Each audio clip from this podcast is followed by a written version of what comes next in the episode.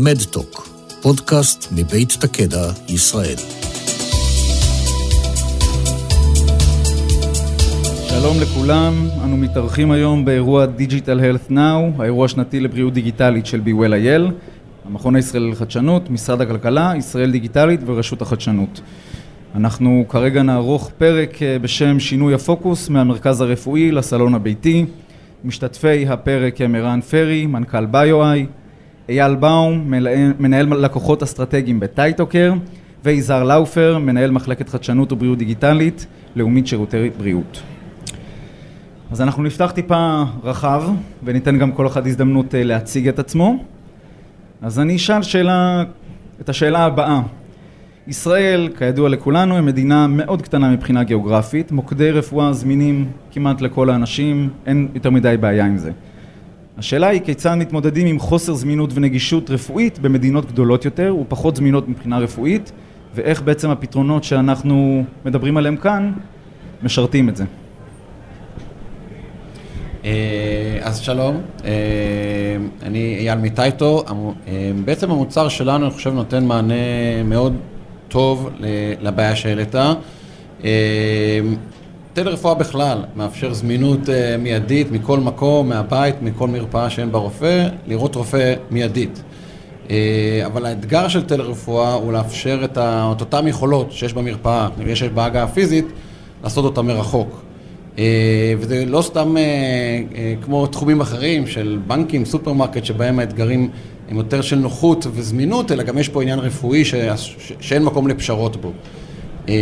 ובעצם המוצר שלנו, הוא מאפשר לאותו רופא, לאפשר לכל בן אדם בכל חור שהוא במדינות גדולות, בין אם בעולם השלישי, הודו, סין וכולי, ובארצות הברית בחורים, וגם בישראל בפריפריה, מאפשר גם להם לראות רופא מיידית מהסמארטפון שלהם באותה נוחות של אה, להיכנס לוויינט, אה, לראות רופא, אבל המכשיר שלנו מאפשר לאותו רופא ממש לבדוק, אותה, לבדוק אותך מהבית, לתת לאותו רופא את אותה רמת ביטחון, את אותם כלים שהוא רגיל בקליניקה, יש לו גם כשהמטופל, שהאימא, הסבא או הילד אה, בבית, את אותם כלים ואותה רמת ביטחון ואותה רמת אבחון גם מרחוק. ובעצם גם לרופא וגם לאותה מטופל, הוא מרגיש שהוא לא מתפשר על איכות הטיפול ואיכות הביטחון אה, שהוא מקבל מהבית.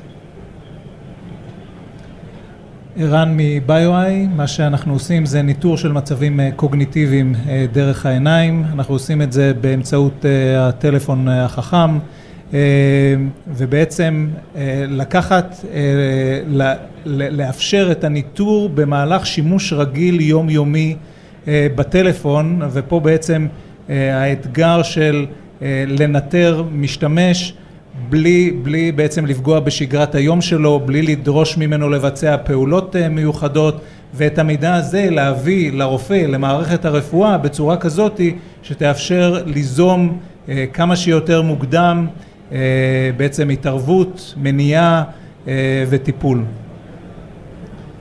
אני יזהר מלאומית שירותי בריאות, אמ, זה נכון שדיברת קודם על מדינות גדולות ורחוקות, קנדה, אוסטרליה, התחילו את הנושא של טלמדיסן לפני כמעט 30 שנה, אה, אבל נקודה היום שחוויית החיים של, ה, של המטופל, של כל אחד מאיתנו, היא, אנחנו רוצים משהו שהוא מיידי, הוא אינסטנט, וגם במדינה קטנה כמו ישראל, אנשים רוצים אה, שילוב אה, של טכנולוגיות מתקדמות, מצפים לזה, זה חלק מהציפייה הבסיסית של uh, uh, מטופל שהוא יוכל לגשת ב, uh, בשיא הזמינות למטופ... לרופא שלו ולכן גם במדינה קטנה כמו ישראל בהחלט רואים לזה uh, שימוש משמעותי מאוד. אז אם כבר uh, עסקנו עכשיו בלאומית, אני אשמח באמת לשמוע uh, מה החזון של לאומית בתחום הטלרפואה, איך היא, מקדם, איך היא קידמה עד כה ואיך היא מתכננת לקדם את התחום uh, בעתיד. אוקיי, uh, okay, אז לאומית יש לה חזון גדול של uh, לאומית 100% דיגיטלית. המטרה היא להגיע לכל, ה, בכל האפיקים למצב שלקוח לא צריך לצאת מהבית אה, בכלל. ספציפית בטלמדיסן, אה, אנחנו מאמינים גדולים בטלמדיסן. אה, כבר לפני שלוש שנים מטופלי לאומית יכלו להיכנס לאתר האינטרנט ולקבוע תור אה, בצורה רגילה לפסיכיאטר או לדיאטנית. אה, ואגב, גם היום אנחנו הקופה היחידה שמאפשרת להיכנס ולקבוע תור בצורה מסודרת, לא בטיפול שהוא מעבר לשעות העבודה, אלא תיכנס, תקבע תור ותהיה מטופל. אה, אנחנו נמצאים גם ב... אה, גם, גם אנחנו אגב מאמינים, אפרופו טייטו, מאמינים מאוד בנושא של הצורך בבדיקה פיזיולוגית מרחוק, אנחנו נגיע גם לזה. וגם היום אנחנו עושים שיתוף פעולה עם סטארט-אפ שנקרא דאטוס, שאיתו, באמצעותו אנחנו מנטרים את רמות הסוכר אצל חולי סכרת ועוזרים לייצב אותם בטווח שהוא אה, אה, מהיר יותר. נשמע מדהים, כל הכבוד, באמת אה, מחזיקים אצבעות שה... תודה. ש... שגם הקהל יקבל את זה ויאמץ את זה. אני רוצה להפנות שאלה לסטארט-אפים. אנחנו מדברים על טכנולוגיה, וטכנולוגיה היא כידוע לכולנו נקלטת בהרבה יותר קלות באוכלוסיות שיש להן יותר נגישות ויותר אוריינטציה טכנולוגית. אמ, איך בעצם מנגישים כאלה טכנולוגיות לאוכלוסיות שאין להן את האוריינות הטכנולוגית הזאת? איך, איך אתם מתמודדים עם זה? האם גיל שלישי הוא קהל יעד עבורכם ואיך מתמודדים עם זה? אה, אני אתייחס מבחינת טייטוקר. אה, אז אחד היתרונות אה, של המוצר שלנו, מעבר לזה שיש לנו מוצר שמאפשר בדיקה גופנית מהבית, אה, יש לנו פלטפורמת תוכנה ואפליקציה שמאפשרת בעצם לכל אחד לעשות את הבדיקה, שסך הכל זו בדיקה שהיא דורשת איזושהי מיומנות, איזשהו ידע שלרוב רק לצוות רפואי יש, לאחות, לרופא, ומה שייחודי בטייטו בין השאר, שהמוצר by design נועד למשתמש הביתי, כלומר זה לא סטטוסקופ שבשימוש אה, אה, לצוות מקצועי מיומן ומוסמך, אלא באמת לכל אימא ואבא או זקנים אה, שאין להם מושג ברפואה, שהם לא טכנולוגיים, להצליח לבצע את הבדיקה הזאת בצורה דיאגנוסטית, בצורה מאוד איכותית. יש לנו אלגוריתמיקה מבוססת עיבוד תמונה באפליקציה, שבאמת עוזרת לכל אחד להצליח להגיע לבדיקת אוזן לעור התוף, לבצע בדיקת סטטוסקופ בלב או בריאות. בדיקת גרון, בדיקות שדורשות איזושהי אמנות, אנחנו, יש לנו אלגוריתמיקה ו user experience מאוד מאוד משקיעים בזה הרבה הרבה משאבים כדי באמת לעמוד באתגר הזה, שגם אנשים בני 80 ומעלה יצליחו לעשות בבדיקה, ויש לנו אפילו, הפרויקט היום הוא כבר בכללית אה, בשימוש אה, לקהל הרחב, יש לנו כבר לא מעט מטופלים מעל גיל 80 שכבר הצליחו לעשות בדיקה מלאה מהבית לבד, אה, ככה שזה מתחיל גם כבר להוכיח את עצמו בשטח. אנחנו ב-BioI מכוונים בעיקר לתהליך של אה, התבגרות ולגילוי מוקדם של הידרדרות אה, קוגניטיבית אה, ובמובן הזה יש פה שתי פנים. החזון אומר שבעצם להתאים בעצם את היכולת לעשות את זה בזמן שימוש רגיל, שימוש רגיל זה אומר של כל אחד מאיתנו, אני לא מדבר על מישהו, זה, זה לא ייתן מענה למי שלא משתמש בטלפון סלולרי בכלל. אבל במהלך שימוש רגיל בטלפון, כשאנחנו מצלמים את העיניים בזמן שאנחנו עושים שימוש רגיל בטלפון, אז לא, לא נדרשת שום יכולת uh, מיוחדת. זאת אומרת בצורה פסיבית לחלוטין. בצורה פסיבית לחלוטין. Uh, אז זאת אני חושב כמה שאפשר ללכת ולכוון למה שניתן לעשות בצורה שהיא משתלבת ביומיום בלי לדרוש דרישות מיוחדות, אני חושב שזאת צריכה להיות המגמה. במקרה שיש צורך באיזשהו engagement עם, עם המשתמש, איזשהו שיתוף פעולה של המשתמש, דווקא לתכנן, והיום כשמדברים עם, ה, עם, עם מי שמתכנן מוצרים לאוכלוסיות האלה, אומרים תתכננו את המוצרים לאוכלוסיות האלה, הם יהיו טובים לכולם. כי, כי מה שיהיה נוח לכולם זה אומר שהוא יהיה נוח. אה, מצד אחד, ומצד שני, האוכלוסיות האלה זה מחרתיים אנחנו, אם לא מחר אז זה מחרתיים אנחנו, וזה אומר ש... ש גם האוכלוסייה נהיית יותר ויותר טכנולוגית כל יום, והטכנולוגיה הולכת ונהיית יותר נוחה כל יום. אז אנחנו לגמרי עובדים עם, עם הטרנד בדברים האלה. אמ, אני חושב שהגיל הוא לא דווקא העניין. אני מצטרף פה לחבר'ה הפתרונות, צריך להיות מספיק פשוטים, שכל אחד יוכל לתפעל אותם. יש משפט שלא סגור על מי הזכויות שלו, אבל אומר מה שלא יהיה פשוט, פשוט לא יהיה. מאוד מאמין בזה, העסק צריך להיות פשוט, ויהיו אנשים שישתמשו ויהיו אנשים שלא, אבל זה לאו דווקא מונחי גיל. מה שיותר מטריד אותי אגב, זה אוכלוסיות שמדירות עצמן מטכנולוגיה, זה כבר בעיה יותר משמעותית, ואם ניקח את האוכלוסייה החרדית, גם פה יש התקדמות, כי יש היום אה, אפליקציות בחנויות כשרות עם טלפוני, טלפונים חכמים כשרים, ואנחנו נמצאים שם וחשוב לנו להיות שם אה, כדי להגיע לכל האוכלוסיות בחברה הישראלית. האמת שזה מעניין, אני אשאל שאלה, האמת שלא התכוננו לשאלה הזאת, אבל מעניין אותי לדעת האם יש אה, אה, איזושהי דוגמה בעולם לאוכלוסיות שהן אה, לא זמינות אה, אידיאולוגית לטכנולוגיה, אם יש לנו, יש לנו מושג. אני יכול להגיד לך מניסיוננו במוצר, באמת היה לנו אתגר עם אוכלוסיות יותר דתיות. אה, אנחנו למשל, חלק מההנחיות מראות אה, גוף למשל של אישה, איך לאישה לבצע בדיקת סטוסקופ, זה באזור החזה, אה, על האור, אה, איך אתה מראה תמונה לאישה חרדית, בין אם מהודו, בין אם בארצות הברית ובין אם בישראל.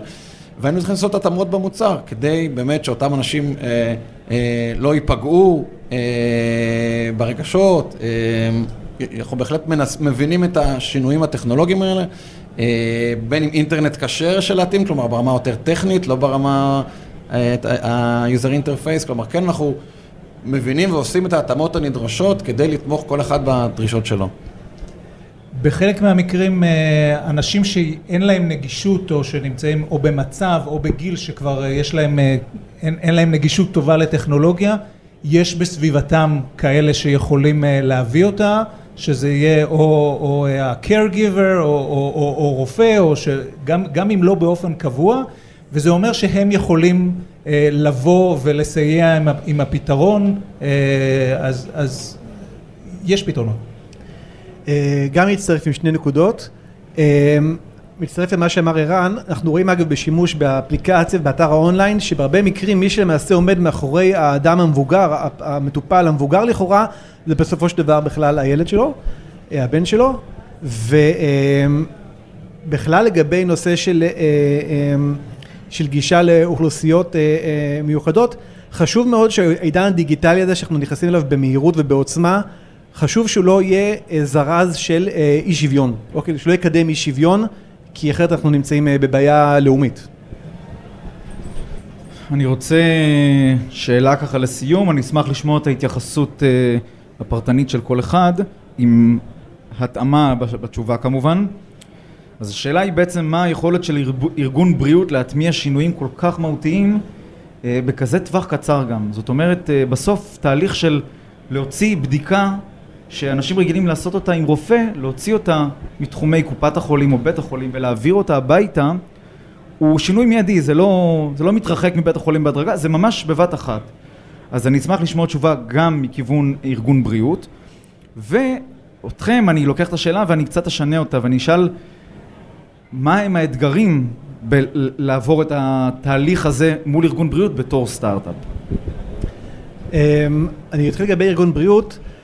אמ, א', יש חסמים ויש בעיות, אבל יש היום פוקוס ארגוני מאוד גדול על הנושא הזה, ובהזדמנות הזאת אני רוצה להפנות אנשים לאתר של BOL.IL, יש שם את האתגרים שלנו, ש... ויש בפברואר גם אה, הגשת תוכנית הפיילוטים, אז אנחנו נשמח שתיצרו איתנו קשר, ואם זה יהיה מתאים, אנחנו נתקדם ביחד. אה, כן. אה, רגע, יש לי איזה דקה. אני אחזור על השאלה רק כדי ככה... אה, אה, אני אומר, אוקיי. ההטמעה היא, היא תהליך קשה. אני שואל מהם האתגרים לסטארט-אפ לעבור עם ארגון בריאות כזה תהליך אה, מהותי. כן, כן. אין, אין ספק שזה אתגר לא קטן, זה שינוי התנהגות, לשנות צרכנים, את ההתנהגות שלהם, זה, זה אתגר וזה תהליך, ואנחנו גם מבינים שזה לא מתאים לכולם. צריך גם להבין, אגב, גם מצד הרופאים, יש רופאים שהם בלי, יותר, בוא ניקח, אה, בלי להרגיש את המטופל, אה, אה, הם לא ישנו את ההתנהגות, וזה בסדר, לא, לא לכל אחד זה מתאים. אבל זה תהליך, כמו שאנשים אמרו שאני חייב להרגיש את הפירות והירקות, ואני לא מוכן, אנשים היום קונים בסופר גם מרחוק, אז זה גם תהליך שהולך ומתרחב. אה, ובאמת הקלות התפעול ולתת את הביטחון, הביטחון פה הוא נקודת המפתח. עכשיו, לתת לב- לבן אדם בבית ביטחון שהוא מקבל את אותו טיפול ברמת אותו איכות, ובסוף זה גם תלוי ברופא, הוא בסוף סומך על הרופא. הרופא, אה, אם הרופא מרגיש בטוח, גם המטופל מרגיש בטוח. ולכן כש- כשהרופא מקבל מספיק אה, מידע ומספיק ביטחון בטיפול, הוא משדר את זה אל המטופל. ואז אנשים מוכנים לעשות את השינוי הזה, וכשאומרים שהרופא, שהוא בסוף, הרופא לא רק, מי- הוא בסוף מייצג את הצד הרפואי ואת האחריות כלפי המטופל, ואם הרופא מרגיש בטוח, אני חושב שזה יגיע למטופלים גם. אפשר, אפשר לעשות את זה בכמה, בכמה צורות, בחלק מהמקרים גם אם החזון הוא מאוד רחוק אז לעשות את זה בצעדים יותר, יותר קטנים ושהראשונים יהיו יותר דומים ויותר מוכרים, דומים למה שאנחנו רגילים לראות. וגם מהצד של המערכת הרפואית בהתחלה לעשות את זה בצורה שהיא מאוד מחוברת, זה אומר שגם אם אפשר להגיע למצב שהוא הרבה יותר אוטומטי אז בהתחלה לשלב את הגופים בתוך התהליך, לתת את זה כמערכת שהיא יותר תומכת החלטה מאשר נותנת פתרון ועם הזמן להגיע לדברים שהם יותר אוטומטיים אז אני חושב שזה עוד איזושהי דרך לעבור את זה כולנו בצורה שהיא יותר... איזושהי הדרגתיות. נכון, נכון, זה עוזר לכולם. אוקיי, אני מודה לכם שהשתתפתם בפרק שלנו שעוסק בשינוי הפוקוס, המרכז הרפואי לסלון הביתי.